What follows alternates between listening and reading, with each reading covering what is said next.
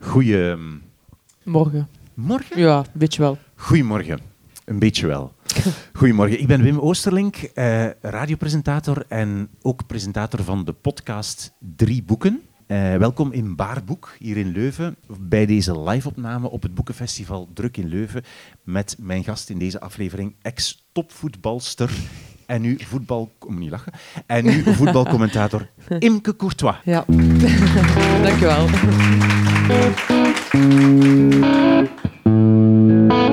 Ik ben Wim Oosterlink. Welkom bij de podcast Drie Boeken, waarin ik boekenliefhebbers vraag naar de drie boeken die wij volgens hen moeten gelezen hebben. Mijn gast in deze aflevering is Imke Courtois, geboren in 1988, voetbalcommentator en voormalig voetbalster.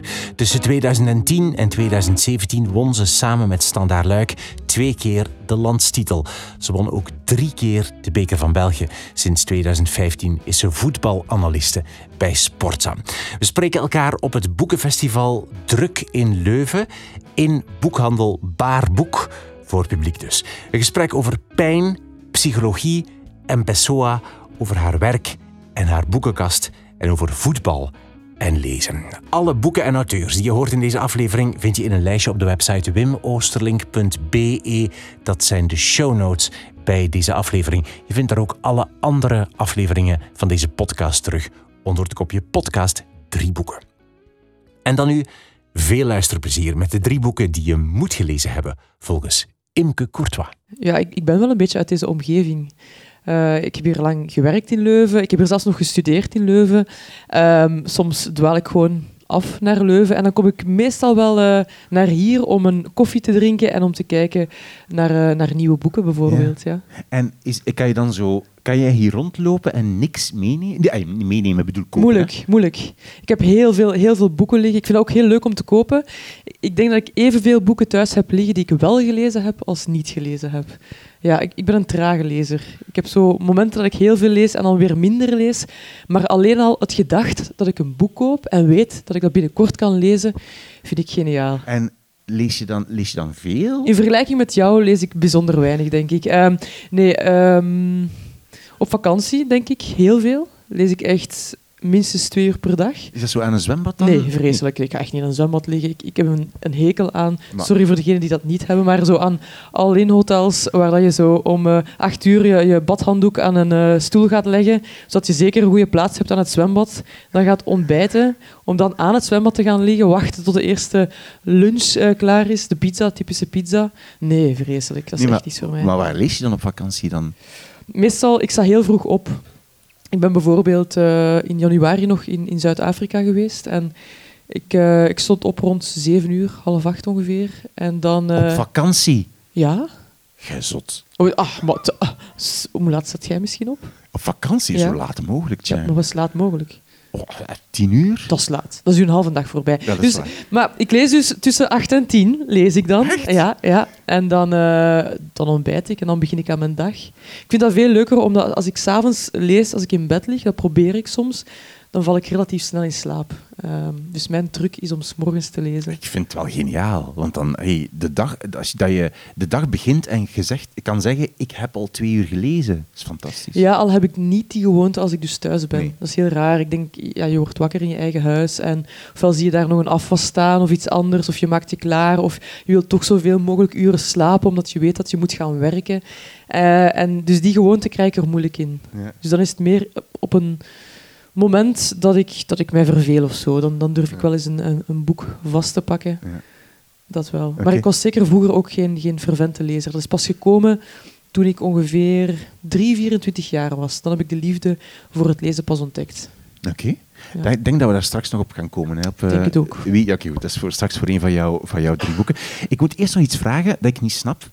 Ik ken jou als sportanaliste, eh, als ex-voetbalster.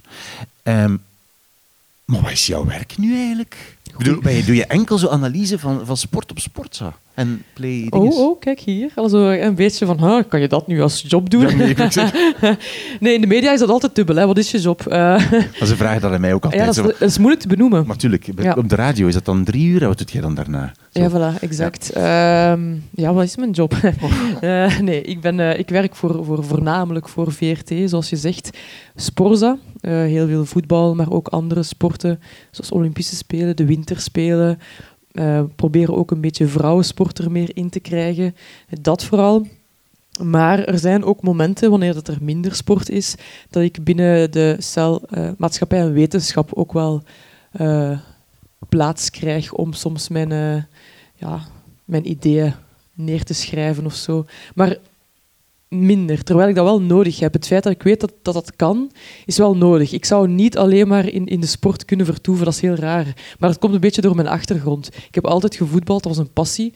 Een uit de hand gelopen hobby, zeg ik wel vaker. Nog, nog steeds mijn passie, want iedereen zegt altijd ex-voetbalster, terwijl ik zoiets heb van nee, nee, ik ben nog steeds voetbalster. Ik speel het niet meer, maar ik ben wel nog steeds een voetbalster.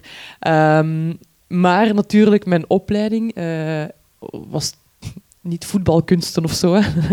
Dat was eh, veel meer het menselijke, wetenschap, eh, maatschappelijk gericht. Vond ik heel leuk, ja. Ja, ik heb ergotherapie gestudeerd en daarna kinesietherapie gestudeerd. Ehm, en dan heb ik hier een, eh, een doctoraat lopen dat nog steeds niet af is. In de onderzoeksgroep gezondheidspsychologie hier in Leuven, Ja. in de Tienste straat. Dus iets totaal anders dan sport. Ja, oké, maar dus eigenlijk, als ik het goed begrijp, is jouw job wel in de media Ja, eigenlijk? Het Op dit moment absoluut. Ja, klopt helemaal. Goed, oké. Ehm, mijn vraag was drie boeken waarvan je vindt dat we ze moeten gelezen hebben. Waarom was het een zucht eigenlijk? Want, Ja, ik het vond dat een heel moeilijke vraag. Ja, het grappige is, dus, ik vraag altijd op voorhand van stuur even het lijstje door. Eh, Gisteren? Heb ik het gisteren gestuurd? Nee, nee, dat is oké. is- Vandaag? Nee, nee, nee, dat- eergisteren. Nee, dat is oké. Maar, en dan kwam, kwam, kwam weer toe en dan van, ga, ik ben toch nog veranderd van boek.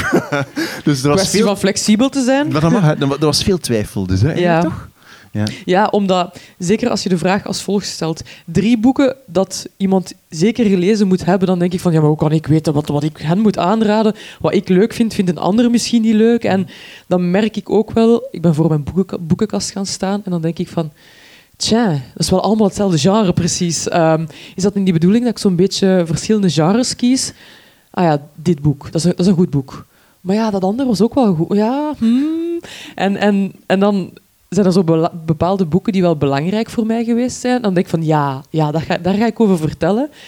Maar dan merk ik ook wel van, ai, dat is allemaal non-fictie. En non-fictie is heel moeilijk te vertellen. Of, of, ik kan geen verhaal vertellen over Rita ging naar de zee en plots waren daar drie walvissen die aangestrand waren. En dat werd keispannend, een plot, je kunt het je niet voorstellen.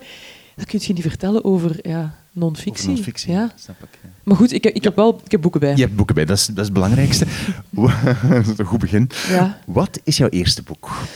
Ehm, dat ik wel heel snel gekozen, omdat dat echt mijn, mijn favoriet boek aller tijden is. Tot op heden, kan misschien wel nog veranderen. Ik hoop dat altijd, dat er nog een beter boek bestaat. Maar mijn eerste boek is ehm, Fernando Pessoa, Chroniek van een leven dat voorbij gaat. Ja, Ja, oké. dat is echt En een geniaal boek. Wat is dat eigenlijk? Dat, wat is dat voor iets? Ehm, dus Fernando Pessoa is een Portugese dichter ehm, die exact 100 jaar voor mij is geboren, 1888. Ik geef het maar even mee. Ik vind dat speciaal. Ik snap dat. Ja, voilà. Eh, Proficiat, proficiat Imke. Dank u. En ik had eerst eigenlijk een, een gedicht van hem leren kennen, eh, Sigarenwinkel. En dan zocht ik van alles over hem op, want ik kende het figuur Fernan- Fernando Pessoa niet. En dat vond ik wel heel speciaal, want eigenlijk pas na zijn dood, eh, ik denk mid jaren 50, zijn pas al die essays en, en zijn eh, poëzie naar boven gekomen, echt letterlijk uit een kist op de zolder. En dan zijn ze dat beginnen te publiceren en is hij heel populair geworden. Ehm, vond ik al speciaal en tof. Maar dit boek, eh, daar staan niet echt gedichten in, al is het wel heel poëtisch en lyrisch geschreven, maar het zijn eerder dagboekfragmenten eh, uit zijn leven. Ehm, ook brieven aan zijn moeder of aan andere vrienden. Eh, het zijn korte stukken, soms is het echt maar één zin, soms eh, enkele bladzijden. Maar het is heel fijn, omdat hij, nogmaals, hij schrijft even mooi als in zijn gedichten. En vooral, je keert terug naar zijn tijdsgeest. En dat vind ik altijd heel boeiend. Ehm, soms denk je van, amai, dat is echt een vrouwenhater. soms denk je van, oeh, gevaarlijk politiek statement. Maar hij heeft het evenzeer over Hitler of ehm, Mussolini of noem maar op. Hij heeft het eigenlijk over heel wat figuren uit zijn tijd. Op zijn manier, door zijn ogen, mooi geschreven. Dus heel tof om te lezen. En ik merkte ook onmiddellijk van, allee, de problemen waar wij vandaag tegenaan lopen, waarvan, waarvan wij denken dat is heel eigen aan onze tijdsgeest, dat was 100 jaar geleden exact hetzelfde. Overbevolking, noem maar op, al die dingen raakt hij aan. Ja. Heel goed. Hij heeft ook zo uh, van die, hoe noemen ze dat ook alweer? Van die, van die afsplitsingen van, van pers persoonlijkheden of zo. Heteroniemen, ja. Dus dat is, dat is ook heel tof. Hè. Hij, um, hij heeft een soort van personages gecreëerd afsplitsingen van zichzelf. En hij schreef ook poëzie vanuit die uh, heteroniemen. Ik ken ze niet allemaal van buiten, want het zit er echt meer dan twintig, geloof ik. Maar uh, Ricardo Reis is zo de intellectueel. Um, uh, Alvaro de Campos, Campo, jij weet het zelf ook. Je kent Fernando Pessoa ook. Ja, ik, ik weet wel, maar, maar ik, ik, vergeet die naam maar altijd. Je hebt dan zo de man van zonder uh, enige scholing, meer de platteland, de boer, die ook gedichten schrijft. Um... Ja, dus, dus hij schrijft als het ware dan... Dat je, Fernando Pessoa heeft dat gedicht geschreven, maar het is als het ware de stijl van dan die een boer. Zo, dat, hè, zoiets. Ja, al, al moet ik ook wel zeggen, als ik me voorstel dat een boer uh, poëzie zou schrijven, dan zou ik het mij toch nog altijd anders voorstellen dan dat uh, Pessoa uitschrijft. Maar ik denk dat zijn invalshoek altijd een beetje anders is. Het ene gaat meer over ja, bucolisch tafereel, een mooi landschap dat hij beschrijft. De andere gaat een kritische noot schrijven over iets wat er gebeurt in de maatschappij. Dus het zijn gewoon andere invalshoeken. Maar het is wel knap gedaan, vind ik, om, om, ja, om die afsplitsingen te gebruiken. Uh, en, en soms communiceren ze ook met elkaar. Ah, ja. Hij schrijft ook, trouwens in dit boek, schrijft hij soms brieven aan uh, een van die heteroniemen. Dus ja, leuk. Complex. Ja, complex. Com ja, was ook een heel complexe man. Maar uw boek is zo... Het is zo de, de voorkaft zit ergens tussen en de achterkaft zit ergens tussen. Er nog een folder tussen en ja. zo. Hoe komt dat? Is dat... Uh... Hoe komt dat wel? Ik, uh, Papiertje nog? Ik was naar hier aan het wandelen en ik dacht van ja, ik was dat zo een beetje aan het uh, bekijken, het boek. En dan dacht ik van, oh ja, dit, dit is zo'n goede zin. Want ik, ik onderstreep ook heel wat ja, zinnen. Zie het, is ja. potlood. Potlood, ja. Wil je een zin voorlezen of zo misschien? Altijd nee. gevaarlijk, hè? Ja, ik vind dat gevaarlijk, omdat... Je moet dat kunnen. ik kan wel lezen, maar um, goed voorlezen is een kunst. Maar omdat je zo zegt dat je, heel, dus dat je zinnen zag waarvan je dacht, van wauw. Maar je hebt er volgens mij al eentje... Uh, nee? Nee, oké. Okay. Oei, sorry, ik weet niet. er zat nog een papier. hier. Ja, oké. Okay. Hier zo. Ja, bijvoorbeeld een zin, en da daar sluit ik mij echt volledig bij aan. Zodra je aandachtig over iets nadenkt, wordt het moeilijker een mening over te hebben. Story of my life. ja, dat is echt een probleem. Maar ik denk van, kijk, ja, dat bestaat. Dat je zo lang over iets nadenkt, dat je voelt, ik heb er geen mening meer over. Ja. Ja. Maar hoe, waarom ik snap dat je dat mooi vindt, mooi geschreven vindt, maar je zegt dat je erin bladert en de hele tijd door gefascineerd bent. Je zegt ook dat jou, het is jouw favoriete boek ja. aller tijden eigenlijk. Hè? Ja. Maar waarom dan? Stilte. Um, waarom?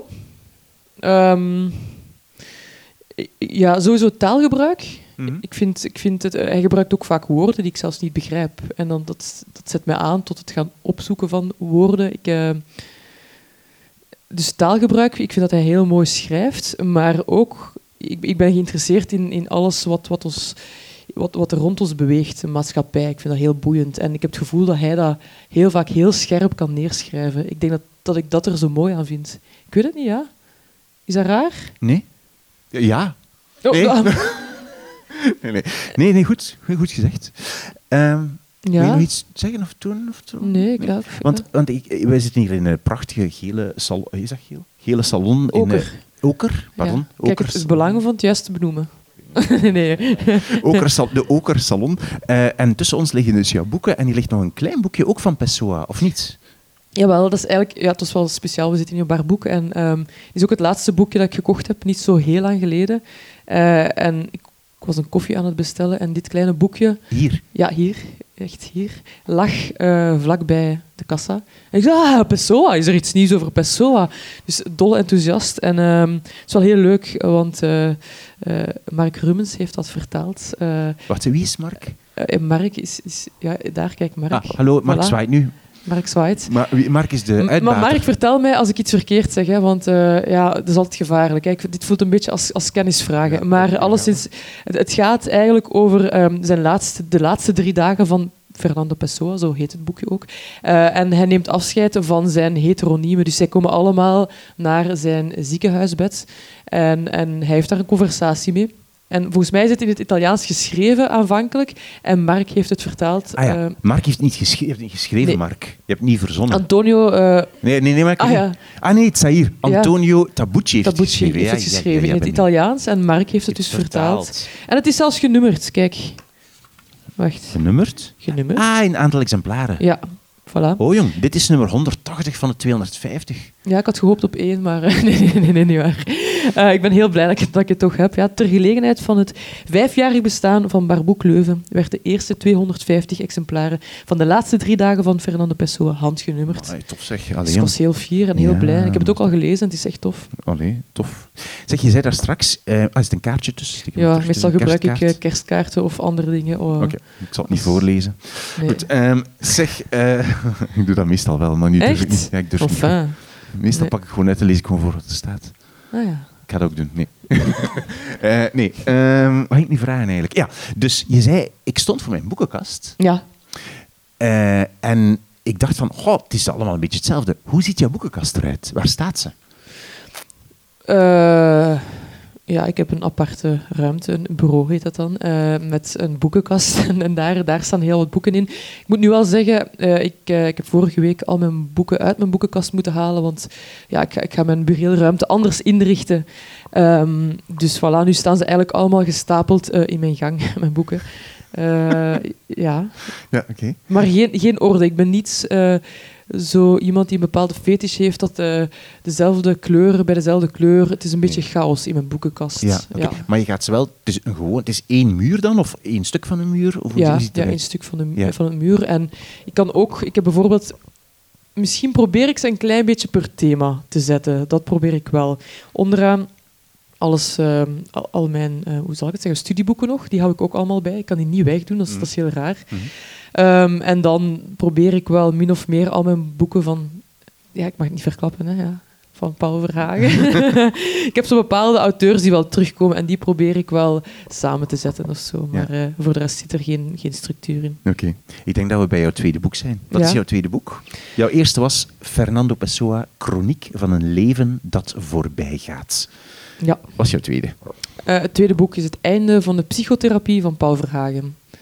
Ja, En daar heb je boeken van, boeken. zei je. Ik denk dat Paul Verhagen de enige auteur is waar ik elk boek eh, van, echt van gelezen heb. Oh, ja. Kan je een boek onecht lezen? Nee. Maar alleszins, ik heb alle boeken van Paul Verhagen, ja. Oei, mag ik iets zeggen? Ik, ik vind dat nu een heel... Allee, het is niet, niet oordelend, maar een heel... Ja, toch wel oordelend. een rare auteur om alle boeken van gelezen te hebben. Dan- Waarom? Waarom? Ja, Vertel. Dan Brown, oké, of zo. Of, eh? Maar ik weet het niet. Ik heb dat nog nooit gehoord dat iemand zegt... Ik heb eh, van alle boeken van Paul Verhagen... Ja, iemand kijkt. Ah, voilà, Toch kijk. wel, het is, dit is niet raar. Het is, niet, het is niet raar, we zijn met twee. Dus het is niet raar. Wa- Ehm. waarom, waarom Paul Verhagen, waarom dit boek? Ja, ik had, ik, het was sowieso een moeilijke keuze. Eh, maar ik heb dan toch dit boek genomen, omdat het het allereerste was dat ik van hem gelezen heb. En het was ook het boek waardoor ik ehm, de smaak te pakken kreeg van het lezen. Ik zat toen in mijn voorlaatste of in mijn laatste jaar kinesiotherapie. Dus heel veel bezig met eh, neuro, neurologie, biologie, het lichaam. ehm, maar ik heb het geluk gehad om met een promotor terecht te komen, een docent, die ehm, eigenlijk ook eh, heel eh, into psychoanalyse was. eh, en hij zei me van, ja, dit boek moet je echt eens lezen. En ik ben dat eh, gaan kopen. En dan heb ik dat ook een beetje aan, aangepakt als een soort van studieboek. Ik heb echt enorm veel gefluoriseerd. Oeh, ja, ik zie het. Met verschillende kleuren, met, met potlood, omdat ik dacht van dit is nog belangrijker als het andere. Eh, maar het was ook het eerste boek waarvan ik dacht van ah, ik wil morgen absoluut verder lezen en lezen en lezen en lezen. En voor ik wist had ik dat echt op, op een kleine week uit. Ma, Ja, het heeft me echt gepakt. Als terwijl... een thriller, eigenlijk. Ja, raar hè? Ja? Maar ik had het gevoel bij elke bladzijde dat ik iets, ja, iets belangrijks kon opnemen uit, uit dit boek. Ja. En kan je iets vertellen, want het heet Het einde van de psychotherapie. Kan, kan je weten er nog inhoudelijk nog iets, iets van? Gewoon iets? Ja, hij heeft het dus over waarom dat de psychotherapie ehm, minder aandacht krijgt. Uh, dat ook de, de type patiënten die in de wachtkamer zitten veranderen. Niet, niet, niet van gedaante, maar eerder van symptomen. Uh, en hoe dat, dat komt eigenlijk door het verschuiven van ehm, bepaalde punten in onze maatschappij. Um, bijvoorbeeld het meer gericht zijn op neurowetenschappen, op farmacologie, uh, op alles willen uh, in een DSM gieten, alles diagnosticeren, alles moet te zien zijn in onze hersenen of in onze bloed en noem maar op, waardoor ja, het gesprek soms ja, verdwijnt en, en daar gaat het boek eigenlijk en over. En vindt u dat dan goed dat dat verdwijnt of vindt u dat ambetant dat dat verdwijnt, bij wijze van spreken? Wel, dat is nu namelijk waar het tegen pleit, is zo het, categoriseren van is het het ene of het andere. Ik denk dat daar een beetje om draait, dat we dingen kunnen vergelijden, maar dat we wel aandachtig moeten zijn. We vergelijden in bepaalde dingen door wat er leeft in onze maatschappij. De nood aan kennis, de nood aan het allemaal um, gieten in wetenschap en kunnen verklaren. Dat we daar niet in doorschieten, dat het andere ook wel kan blijven staan. Maar ik denk, denk dat psychotherapie misschien ook een andere vorm kent. En zoals ik net al zei, de klachten zijn ook anders. Dus misschien moeten ze het ook wel anders gaan bekijken. Ja, oké. Ehm, je zei van, dat dit boek heeft mij aan het lezen gezet. Ja. Maar las je dan daarvoor niet? Niet graag? Nee, ik las echt niet graag als kind. Ik was ook een hyperactief kind. Dus laat staan dat ik tien minuten kon stilzitten om een boek te lezen. Um, heel vaak ook boeken aangereikt gekregen omdat het moest. Um, ja, hoe noemt dat dan weer? Een spreekbeurt. Spreekbeurt. spreekbeurt, ja. Ik, ik herinner nog wacht, hè, twee boeken eh, uit mijn uh, tienerjaar die ik moest lezen. En dat was Tango van Pieter Aspen. Um, en... Ta wat, Tango van Pieter Aspen? Ja, ik weet er niets meer over. Dat was een verplicht boek? Ja. En Sputnik-liefde. Ik ja, Spoed ja nog, ja. En van wie is dat, Sputnik-liefde? Wacht, hè. iemand helpt ons op de eerste rij. Ja, juist. Wie dat? Wie dat? Murakami. Ja, ah, ja, ja is van Murakami. Murakami. Ja, ja. Goed, goed, goed dat we mevrouw om ons te helpen. Ja, maar ja. Dus uh, voilà, dat waren de twee boeken die ik moest lezen. Ja. En, uh, en, voor de rest was ik echt niet... Uh... En dat was dan moeilijk? Om, dat was, waarom was dat moeilijk? Ik, ik kon niet stilzitten. Ik heb een heel korte aandachtspannen. Ik was een kind dat ik wou buiten spelen. Uh, voetbal was in mijn leven. dus ik wou, ja, ja, ik wou buiten ravotten. Ik had geen zin om, om in een zetel te gaan zitten en echt uren naar een boek te staren. Je gaat dan naar school, dus je hebt al het gevoel van ja, waarom moet ik ook nog eens opnieuw uh, lezen? Maar ik denk dat het puur te maken heeft met gewoon de malchance om, om geen boek in mijn handen gehad te hebben die mij aansprak. Het, ju het, het juiste boek, juiste ja, boek, het ontbreken van het juiste boek. Ja. Ik denk dat dat gewoon... Uh... Maar zo bizar en zo speciaal en zo leuk dat dat dit boek dan is. Want je zou denken van, dat gaat toch iets totaal anders zijn. Dat gaat toch nooit het einde van de psychotherapie ja, zijn. maar het lag natuurlijk wel in mijn interesseveld. Ik studeerde, ik, allee, alles wat mens en maatschappij boeit mij enorm. En ik had dat toen heel, heel goed door. Ik was toen ongeveer, stellen, 23 jaar. Um, dus ik, mijn richting was wel duidelijk. Uh, anatomie tot, tot psychologie, tot noem maar op. En ineens is daar een boek dat al die dingen bij elkaar verbindt. Uh, dus dat heeft me gegrepen. En, en, dat was heel grappig trouwens. Want ik heb uh, nu twee, anderhalf jaar geleden moest ik Paul Verhagen interviewen uh, in tijden van een uh, pandemie, dus digitaal. En ik was zo blij dat ik die opdracht had gekregen. Ik dacht van, Paul Vragen interviewen over COVID. Tof zeg. Dus, um, maar ja, hij, is een hoogleraar, is, uh, ja, hoogleraar klinisch psychologie, de UGent. En dus hij ziet er ook redelijk serieus uit. En dat, dat Zoom-gesprek begint. En ik had er niet beter op gevonden. Je moet denken, daar kijken nog mensen mee van VRT. Hè. Ook allemaal digitaal. Ze nemen dat beeldscherm op. Ik had er niet beter op gevonden als een stapeltje boeken Paul Verhagen. Links van mij nog net niet in beeld. En denk van, Imke, nee, nee. Je gaat niet zo direct die man overvallen met een soort van starstruck-achtig iets. En ik kon het toch niet laten. Dat was zo van... Hallo, ik ben Imke Schuif. een stapeltje boeken in beeld. Ik heb al uw boeken gelezen. Maar echt zo kei vier, pong, pong, pong, over heel dat scherm. En die zei zo heel serieus... Dat is heel fijn. Leuk om te horen. Ik dacht zo, leuk om te horen. Hallo? Ik heb elke letter onderstreept. Ik ben uw grootste fan. Absoluut. Dat eigenlijk alleen, maar je bent een beetje een, een groepie eigenlijk van ja, Paul Ja, toen heb ik wel een beetje proberen te downsize. Omdat ik dacht van, oei, komt kei raar over. Niet te Ehm, ver gaan eigenlijk. Nee, en, zo en, schuif, stapeltje er terug uitbeeld en dan zijn we toch maar over COVID begonnen. maar en ja. heeft hij bevestigd? Allee, heeft hij... Heeft hij eh, want ja, natuurlijk, waarschijnlijk een grote verwachting om hem te interviewen. Zo. Hè, als, ja, en ik heb dat niet snel, hè. Want bijvoorbeeld in, in de voetbalwereld, ik heb nooit een grote voetbal, voetbalheld gehad Nee. of zo, hè. Dus bij Paul Verhagen had ik dat wel het gevoel van... Dat, dat, dat overviel mij ook ineens, dat was heel raar. En, en was hij dan even tof of interessant als je verwacht had vooraf? Ja, op het begin toen hij zei, dat is leuk, fijn om te horen, dacht ik even van... Ja, oei, oei. Maar ja, logisch, die man verwacht een professioneel interview en ik zit daar zo eh, een beetje te vertellen over zijn boeken. Ehm, maar goed, dat gesprek liep wel en ik denk dat hij pas naderhand... eh heeft hij mij nog een mailtje gestuurd van ah, kijk, dat was een heel fijn gesprek. Eh, Ik ben nog een, een boekje aan het schrijven dat ook gaat over COVID. Ik stuur een exemplaar op. Ik dacht van, haha. Had hij iets ingeschreven? Ah, uiteraard, ja, ja, ja, ja, ja. Dat heb ik niet mee. Ik schrik om te verliezen. Nee, nee. Ehm, en dan heb ik dat boekje gelezen op twee dagen, omdat ik ook dacht van nu ga ik me de voorbeeldige student eh, tonen. En dan ook onmiddellijk mijn feedback gegeven.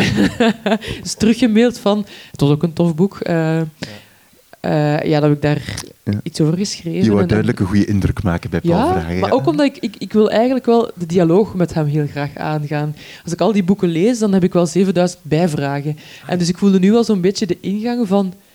Ah ja, ik kan daarmee mailen. Maar het liefst van als ik er brieven mee schrijf. Ik heb zo'n bizarre voorliefde voor brieven schrijven. Ik doe dat bijvoorbeeld ook bij Jan Mulder. Wij schrijven brieven. Fysiek? Fysiek. Maar dus Ja, niet mails, echt Drie, vier fysiek? jaar schrijven wij brieven naar elkaar. Mo. Ja. Hoe vaak dan? Eh, soms is dat om de twee, drie weken. Soms zit er ineens drie maanden tussen. Oh. En dan bellen we elkaar wel even om te checken van... eh, is mijn brief verloren gegaan? Nee, nee, ik moet gewoon nog antwoorden.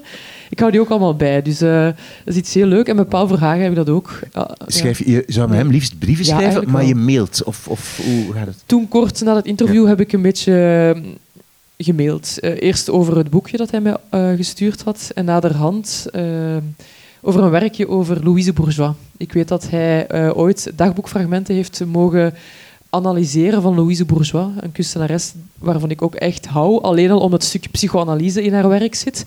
Eh, en ik wou heel graag een lito kopen van Louise Bourgeois. En dan had ik dat toch maar verteld tegen Paul Verhagen. Opnieuw aansluiting zoeken. Eh, maar vooral ook omdat ik... Ja, Zo'n fangirl. ja maar dat vind ik... ah, wel, maar dit vind ik niet zo erg. Moest het nu nog een of andere vreemde... Get ready Starstruck zijn, dan mocht je mij uitlachen. Maar bij Paul Verhagen mocht je mij niet uitlachen, Wim.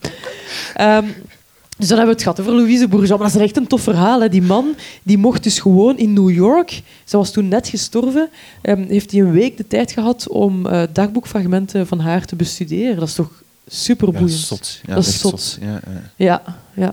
Ehm, wacht, hè. maar van alles vragen ze. Ehm, Oké, dus dit, door dit boek ben je beginnen Ja. lezen. Heb je eigenlijk een beetje de passie voor lezen ontdekt. Absoluut. En hoe is dat dan verder gegaan? Dus heb je dan meteen nog boeken gelezen van anderen? Of hoe ging dat dan? Dat gaat eerder traag. Dat, moet ik, dat merk ik ook aan mijn boekenkast. Dat ik zo merk van, ja, mm, het, het is hetzelfde thema.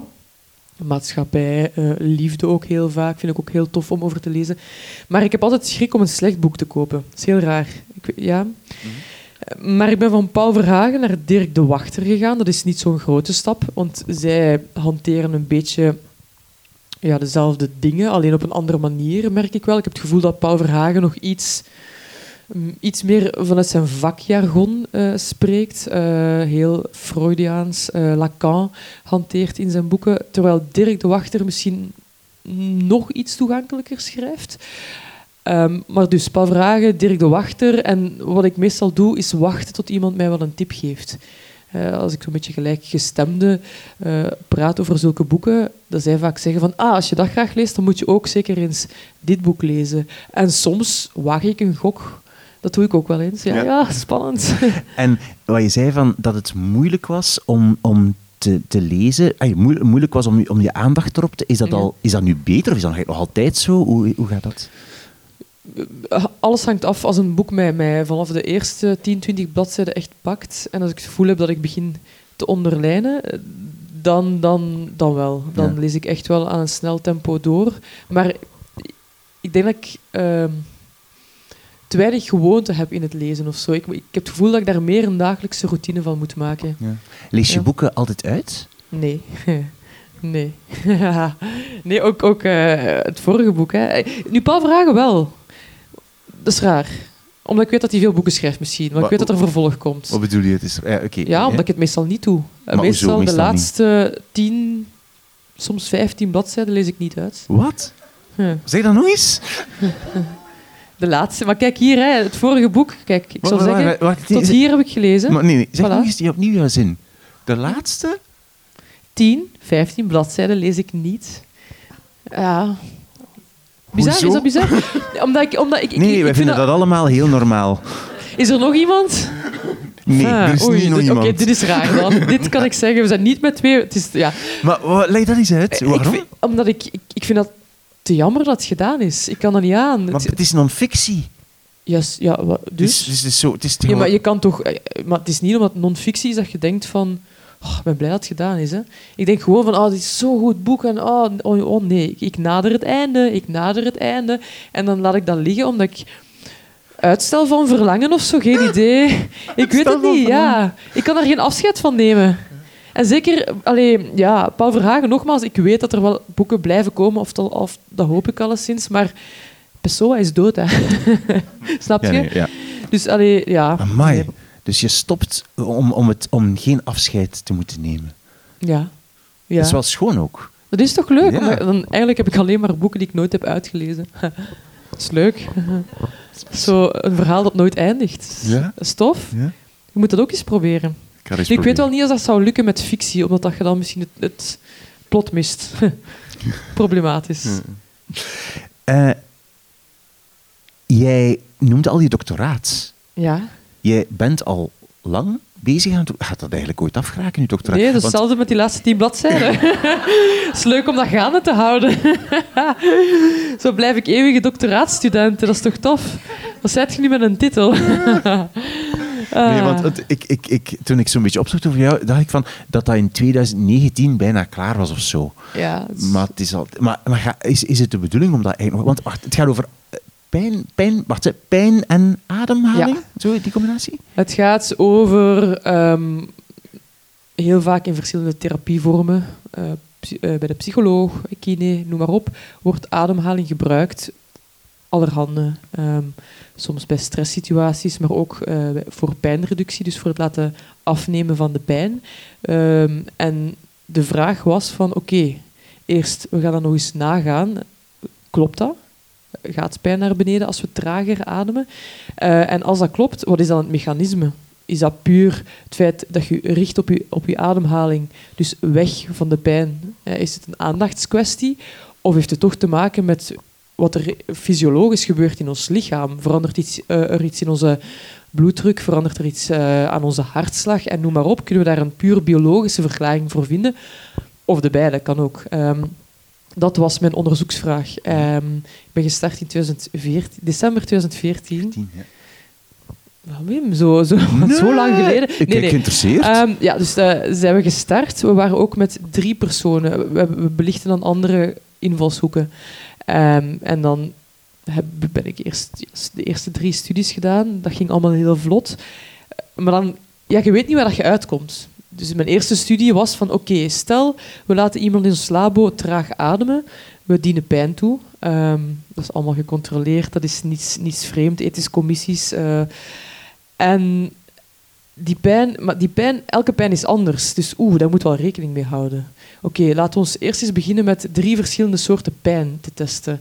Want uh, thermische pijn, dus warmte, prikkels, zijn heel anders als uh, pakweg elektrocutane, dus shocks. Want hoe dat jij dat percipieert, misschien is temperatuur wel meer dreigend voor jou dan het andere. Dus oké, dat is het eerste wat je doet. En dan merk je al van, ai, hmm, dat is niet zo recht toe, recht aan. Kijk, bij warmte zie je heel vaak, als je onder een warme douche staat, dat habitueert. Je kan steeds de kraan warmer en warmer draaien. Dus de evolutie van warmtepijn is al anders dan bijvoorbeeld als ik uren tik op één plaats op je hand, dat gaat sensitiseren, dus dat gaat omhoog gaan. En dan zien we ook nog eens raar, raar dat die trage ademhaling, dat werkt niet. Ja, allee, we zitten hier traag aan het ademen met z'n allen en we lezen overal dat dat helpt en in mijn studies werkt dat niet. Hoe komt dat? En dan zit je nu derde jaar ondertussen al van je Ah, doctoraat. ja, ja. En dan denk je van, ja, maar zo'n labo-setting, die hebben zo een masker op en die hebben dit en, en, en wij lopen hier rond met en al die geluiden en dit en dat. Dat is super dreigend. Die context is belangrijk. En dan gaat het daar dingen aan veranderen en noem maar op. En, En zo blijft je blijf je bezig eigenlijk. Ja. En, maar ga je het ooit, ga je ooit eindigen? Eh, hm. D- dus, dus het probleem bij mij ook is, ik denk dat ik opnieuw weer niet de typische doctoraatstudent ben die om drie uur s'nachts nog steeds aan het typen ben. Ik was misschien een voetbalwedstrijd aan het kijken, want ik moest de dag erna een wedstrijd eh, becommentariëren. Dus heel veel andere interesses, waardoor ik ook nog eens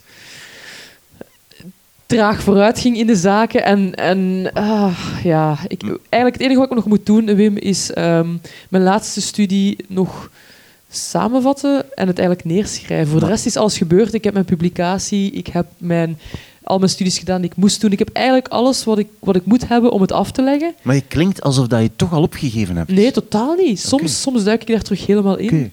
Maar ik heb zoiets van, ja, het zit allemaal in mijn hoofd, prima. Maar ik moet het ook nog neerschrijven, Ja. uiteraard. Anders kun je het niet verdedigen, kunnen mensen het niet nalezen. Maar dat is zo die laatste, laatste stap die ik moet zetten. En het probleem is, daar moet je echt vier, vijf, zes weken inkruipen. En met mijn huidige job is dat moeilijk, omdat Ja. ik voortdurend van hot naar her eh, moet gaan, waardoor ik er geen zes weken kan inkruipen. En als het af is, in 2025 bijvoorbeeld, hè, dat is nu maar een willekeur Ja, voorbeeld, is goed, prima. eh, dan ga je dan ehm, daar iets mee doen ook nog? Ga je nee, dan... nee, niks totaal niet. Daarom, het is, het is voor mij, het onderweg zijn was, was voor mij het leukste van Ja. het doctoraat. Want ik heb nooit eh, beoogd om, om prof te worden of een postdoc te doen of eh, in de academische wereld echt door te breken. Ik, ik vind dat zelfs heel opvallend. Ik denk, doctoraatstudent is het leukste wat er is om te zijn binnen een universiteit. Want hoe hoger dat je geraakt, hoe meer dat je administratie moet doen. Hè. Je moet projecten schrijven om geld binnen te halen en noem maar op. Je moet studenten eh, coördineren. Dat is eigenlijk niet meer fijn. Je gaat eigenlijk steeds meer weg van het onderzoek aan zich. En dat is net het leukste wat er is. Want ik heb heel veel uit mijn onderzoek gehaald. De manier waarop dat ik naar de dingen kijk. Ehm, ook problemen aanvat. Ik vind dat heel grappig, want ik was dan gestopt met mijn doctoraat. Hè. Eh, allee, gestopt, mijn termijn was verlopen. En dan kwam ik terecht eh, bij VRT, onder maatschappij en wetenschap. Ja, als je iets wilt schrijven, Imke, een artikel over iets wat je boeit, doe maar. Kan dat niet, hè. Ik kan dat niet. Oké, een thema, ah, leuk. Eh, een anechoïsche ruimte, zo'n ruimte waar al super stil is, stilte. Ik vind dat heel boeiend, raar, maar waar. Eh, en eh, dan begin ik dus op te zoeken, op, op een wetenschappelijke manier. Dus ik begin te lezen. En dan zie ik die literatuurlijst. Oh, maar dat moet ik ook gelezen hebben. Anders kan ik er niks over schrijven. En zo ben ik weken aan een stuk aan het lezen, aan het lezen, aan het lezen. Dat als je er te aandachtig over nadenkt, dat je geen mening meer hebt. Om terug te komen bij Pessoa. Om maar te zeggen, ik kan me wel verliezen in het te veel informatie tot me nemen. Zonder het dan effectief af te werken Exact. of echt neer te Ja, leggen. dus een beetje en het verhaal bij mijn doctoraat ook. Ja. Ik blijf maar dingen opnemen in mezelf en, en nog eens een, een extra analyse te doen op die resultaten. Terwijl ik zoiets heb van, Imke, schrijf, schrijf het gewoon op, Ja. dien het in en dan is dat hoofdstuk achter u, want dat is wel sluimerend. Dat, dat vraagt op een bepaalde manier. ja, dat moet toch ergens toch in je hoofd blijven hangen? Tuurlijk, ja. Ja, dan begin ik er dan om, om de vier weken, denk ik, mijn doctoraat. En dan ga ik aan mijn bureau zitten en dan, ah, software verlopen. En dan zit ik een halve dag aan hoe, hoe, ik, eh, hoe ik MATLAB terug kan opstarten of SAS University Edition. ja, SAS inderdaad. Eh, en dan heb ik daar een halve dag aan verloren en dan werkt dat terug. Dan laat ik het drie weken liggen en dan is er een ander probleem. Ja. Ah, ja. Hopeloos. De, Nee, nee, hopeloos niet, sorry. Niet hopeloos. Uitdagend. maar Uitdagend. Uitdagend. Een uitdaging. Jouw tweede boek, Paul Vragen, Het einde van de psychotherapie. Wat is jouw derde boek? Ja, mijn derde boek is eh, mijn oplossing voor mijn gebrek aan eh, aandachtspannen. Poëzie. Oeh. ja, Rilke. Ehm, ja, ja Pessoa, Pessoa is ook poëzie, maar ehm, Rilke... Ik heb nu toevallig nieuwe gedichten, een bloemlezing. En dat is eigenlijk eh, ja, op de linkerpagina Duitse gedicht, originele gedicht. En rechts is dan de, de vertaling. En wat ik daar dan weer leuk aan vind, dit ligt vaak op mijn... ehm, keuken aan mijn aanrecht. En dus als ik opsta en denk van oei, ga ik nu beginnen te lezen in een boek, eh, weinig tijd, heb ik eigenlijk de oplossing gevonden in, in eh, goede poëzie. Omdat je daar gewoon één bladzijde op kan lezen en toch het gevoel hebt van ah oké, ik heb vandaag iets stofs gelezen. Dus, eh, eh, en dat komt eigenlijk... Ik heb Rilke leren kennen door eh, Rick de Leeuw, een collega van mij bij Play Sports. En ik had verteld over eh, Pessoa, de sigaren winkel. En hij zei van, ah, als je Pessoa graag leest, dan moet je zeker Rilke lezen. En hij had helemaal gelijk. Ja. En, maar ik, ik, Rick de Leeuw die zal dat waarschijnlijk met veel aplomb gezegd ja, hebben. natuurlijk. Ja, Rick de Leeuw die kan zo plots een heel gedicht uit zichzelf van buiten vertellen. En dan sta ik daar zo en dan denk ik van, oh, dat heb ik ook kunnen.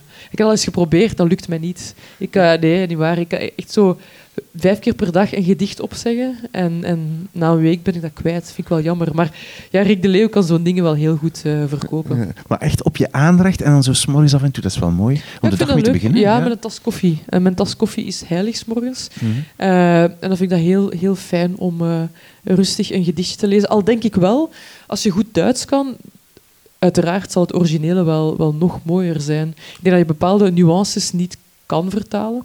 Um, maar mijn Duits is niet goed genoeg. Maar ik heb wel gehoord dat jij goed Duitse gedichten nee, kan voorlezen. Niet. Ik dat straks, heeft je me daar straks verteld. Ik zei straks, ja, maar ik kan heel goed doen alsof. Ik kan echt zo... Ik moet, moet eens, ja, maar wacht, wacht, een goeie. Wa, wa, waarom, Imke Courtois, zit er bij het gedicht Oh, nee. De Carousel een plakbriefje met wasmachine op? Echt? Volgens mij moest mijn wasmachine leeg dan. Of is- hersteld worden. kan. Nee, het was nee, Leeg, gewoon leeg nieuw. Je plakt, als je wasmachine leeg moet, dan neem je een stift, schrijf dat op een plakbriefje en plak je dat in een boek. laat ons zeggen dat ik meestal iets lees en dan denk van, ah, dit wil ik onthouden uit de eerste kortbijzijnde, waarvan ik denk van, wat is dit ertussen steek? Dat is zoals die de kaart, ja. Mit einem Dach und seinen seinem Schatten dreht sich eine kleine Weile der Bestand von bunten Pferden, alle aus dem Land. Kan niet, kan dat- niet. ik Maar vind het heel grappig hoe dat mensen bepaalde hun stem veranderen als ze een andere taal gaan leren. En zeker bij het Duits is heel opvallend. hè, Wat heb zo. je mijn Hitler-imitatie nog niet gehoord? Ah, wel, ik moest, ik moest er eigenlijk al spo- spontaan aan denken, maar ik dacht, ik kan er niet Ah, over trouwens, beginnen. van Hitler. Wacht eens, er was iets met Hitler met jou, met boeken. Ja, ja, er was iets. wat een zin is dit. Ja, ja, Kijk, ja, hè, als we nu in, in de snelle, snelle tijd van tegenwoordig gaan, eh, er is iets met jou en Hitler. Dat is zo wat er wordt uitgehaald in een kopwoord of een of ander baggerartikel. Nee, maar er was een verhaal. Er was iets, ik, ben, ik weet niet meer, ja, er was weet- iets. Ja, jawel. Ehm Mijn Kampf. Mijn Kampf. Ja, Je- klopt. je als kind of zo was dat? Als, ja, laatste middelbaar, hoe oud ben je dan? 17, 18 jaar? Ja, dan ben je nog een kind, Tiener. duidelijk. Ehm, ja, na Sputnik-liefde en tango van Pieter Aspe. Ehm, dus mijn moeder ging wel af en toe naar, een, naar de bibliotheek en ik ging dan wel mee. En voor de allereerste keer zag ik toen eh, een boek, Mein waarvan ik dacht van, ah, kijk, dat wil ik nu een keer uithuren. Waarom? Ik ga je vertellen waarom.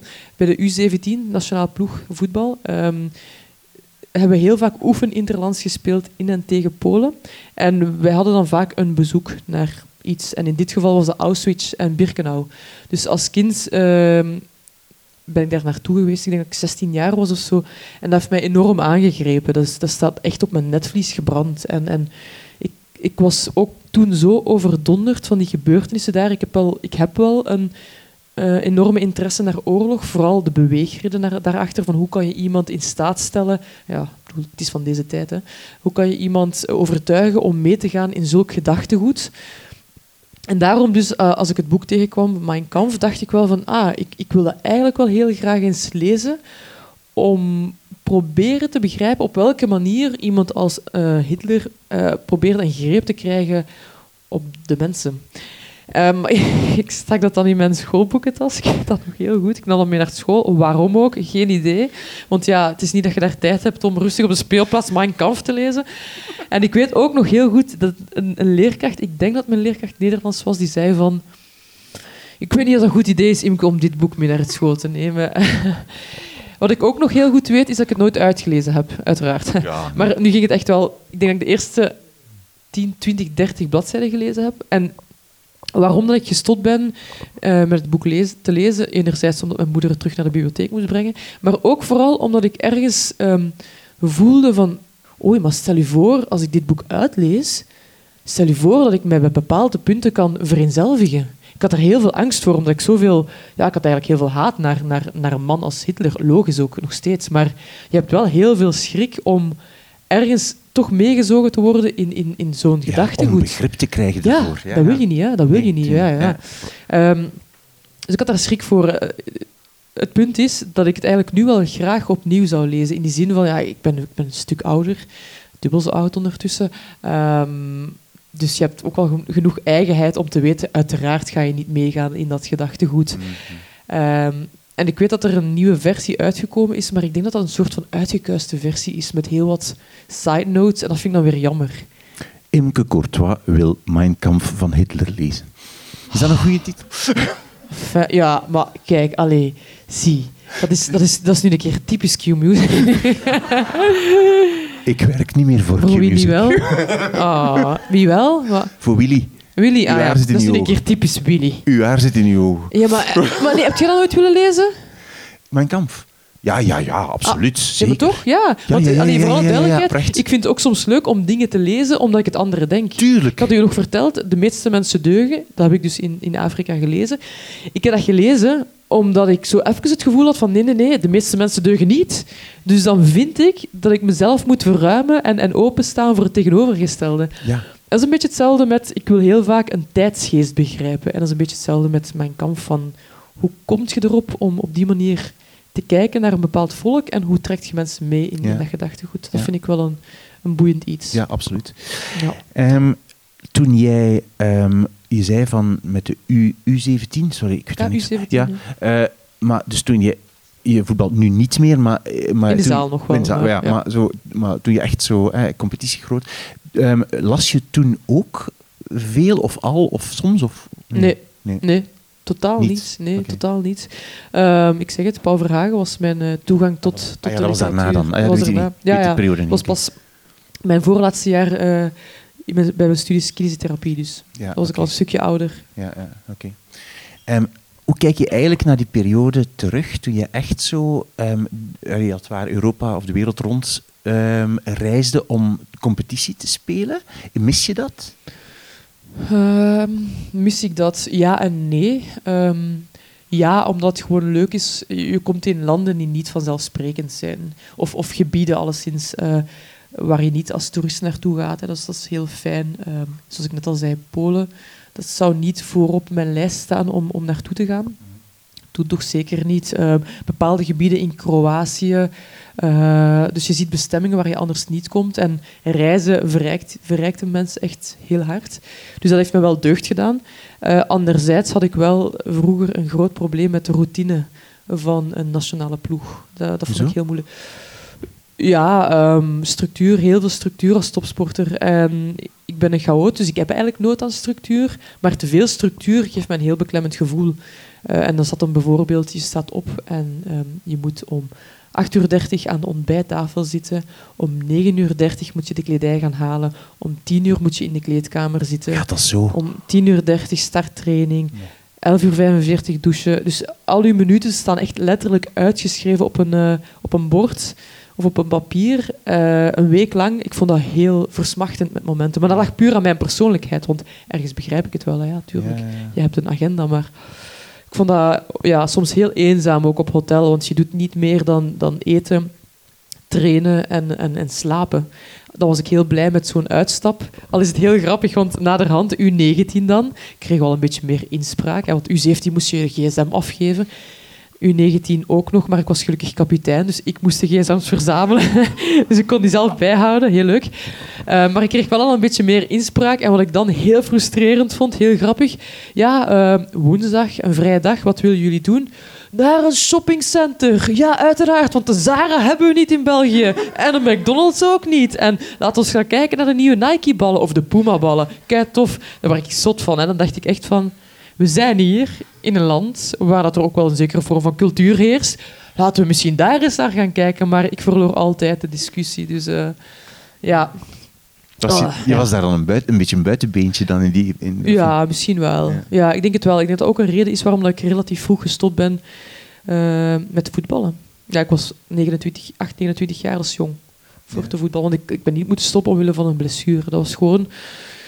Nogmaals, ik heb nog steeds de passie eh, voor het spelletje, maar ehm, er waren nog veel te veel andere dingen die ik wou uitproberen. En ik wou daar echt uitbreken. Ik, ik, had, het, ik had het gehad met, met vijf dagen op rij gaan trainen en dan nog eens een wedstrijd. En ook een bepaalde manier van routine. Eh, ik wou andere dingen uitproberen. Ja. Dus ik ben daar echt uit los, losgebroken. Lees je ehm, soms boeken, want daar heb je, we hebben het eigenlijk nog niet over gehad, maar lees je soms boeken over voetbal? Of zo biografieën van, Nee. van weet ik het, Zlatan of zo. wie? Zlatan? Ja, Ibrahimovic. Ja, je kijkt zo precies Nee, ik ken. Ja, ja. ja, ja. Ik was bang dat het een ene was die ik niet ging kennen. Jawel, ja. Ja. Nee, nee. Eigenlijk niet. Nee. Nee. Je hebt het ook niet nodig voor je werk. Tegenwoordig wordt alles in, op Netflix gezet. Hè. Elke biografie of, eh, wordt wel verfilmd of gedaan.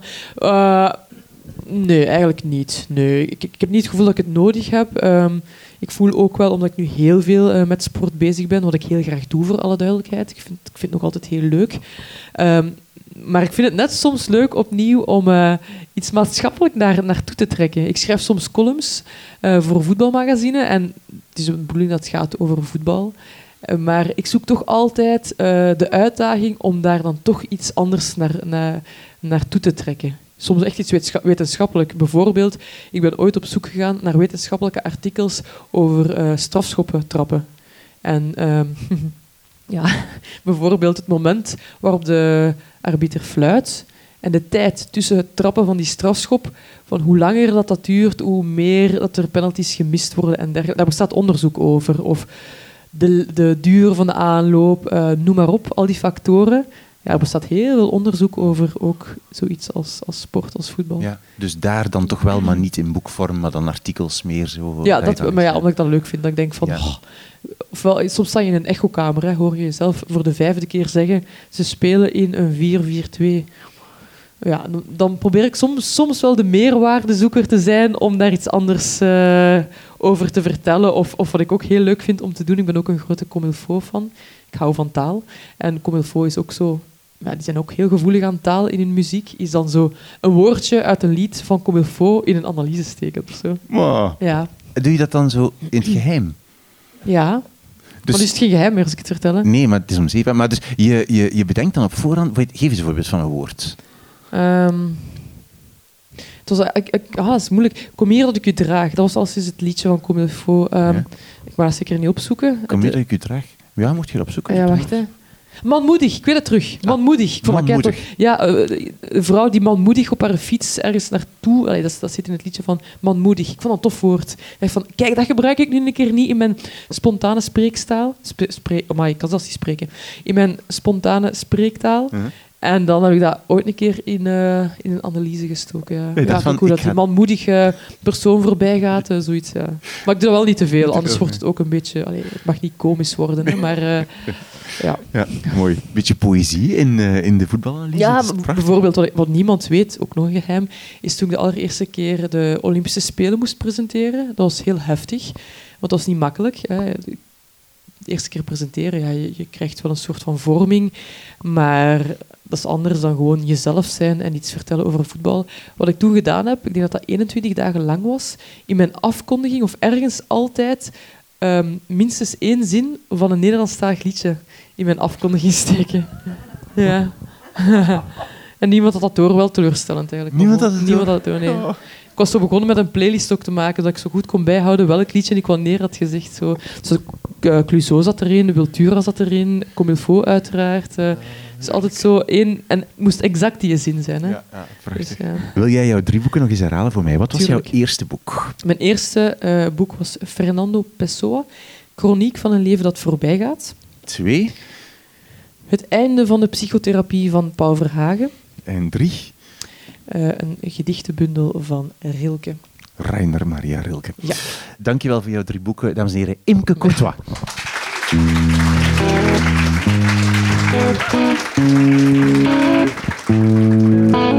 Dit was mijn gesprek met Imke Courtois live in boekhandel Baar Boek in Leuven tijdens het Boekenfestival Druk in Leuven. Alle auteurs en boeken die we noemen in deze aflevering vind je zoals steeds op de website wimoosterlink.be.